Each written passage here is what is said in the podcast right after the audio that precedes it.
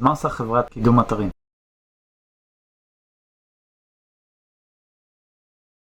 אז הרבה מחפשים חברת קידום אתרים שהם בעצם מתכוונים לחברה שעושה קידום ממומן, וחלק מתכוונים לקידום אורגני, וחלק מתכוונים גם לגם. אבל המונח המקובל בעברית, קידום אתרים, מתייחס בעיקר לקידום אתרים אורגני בגוגל, מה שנקרא SEO, שיפור האתר בתוצאות רגילות של גוגל, תוצאות האורגניות. אז כמה קווים מנחים לבחירה מוצלחת של חברת קידום אתרים. אחד, לוודא שלא קושרים אתכם בחוזה מחייב ומפחיד. יש הרבה חברות בתחום הזה שדורשות התחייבות לחצי שנה, שנה במינימום. לדעתי, אם אנחנו מדברים על קידום אורגני, נכון שזה תחום שלוקח זמן בשביל לראות תוצאות, אבל זה לא אומר שמצד שני אתם צריכים להתחייב, רק צריכים להכין אתכם את זה מראש, אוקיי? זה שזה באמת דורש זמן לא אומר שאתם מחויבים לצד השני, במיוחד אין סיבה להתחייב אם אתם על החודש הראשון רואים שזה לא הכיוון ומרגישים שעשיתם טעות אז למה שלא יהיה סעיף יציאה, אוקיי? בעיניי התקשרות הוגנת זה התקשרות שצריך להודיע פשוט תקופה סבירה מראש על סיום התקשרות, אה, במקרה שלי זה נגיד חודש, או נגיד עד סוף החודש הנוכחי,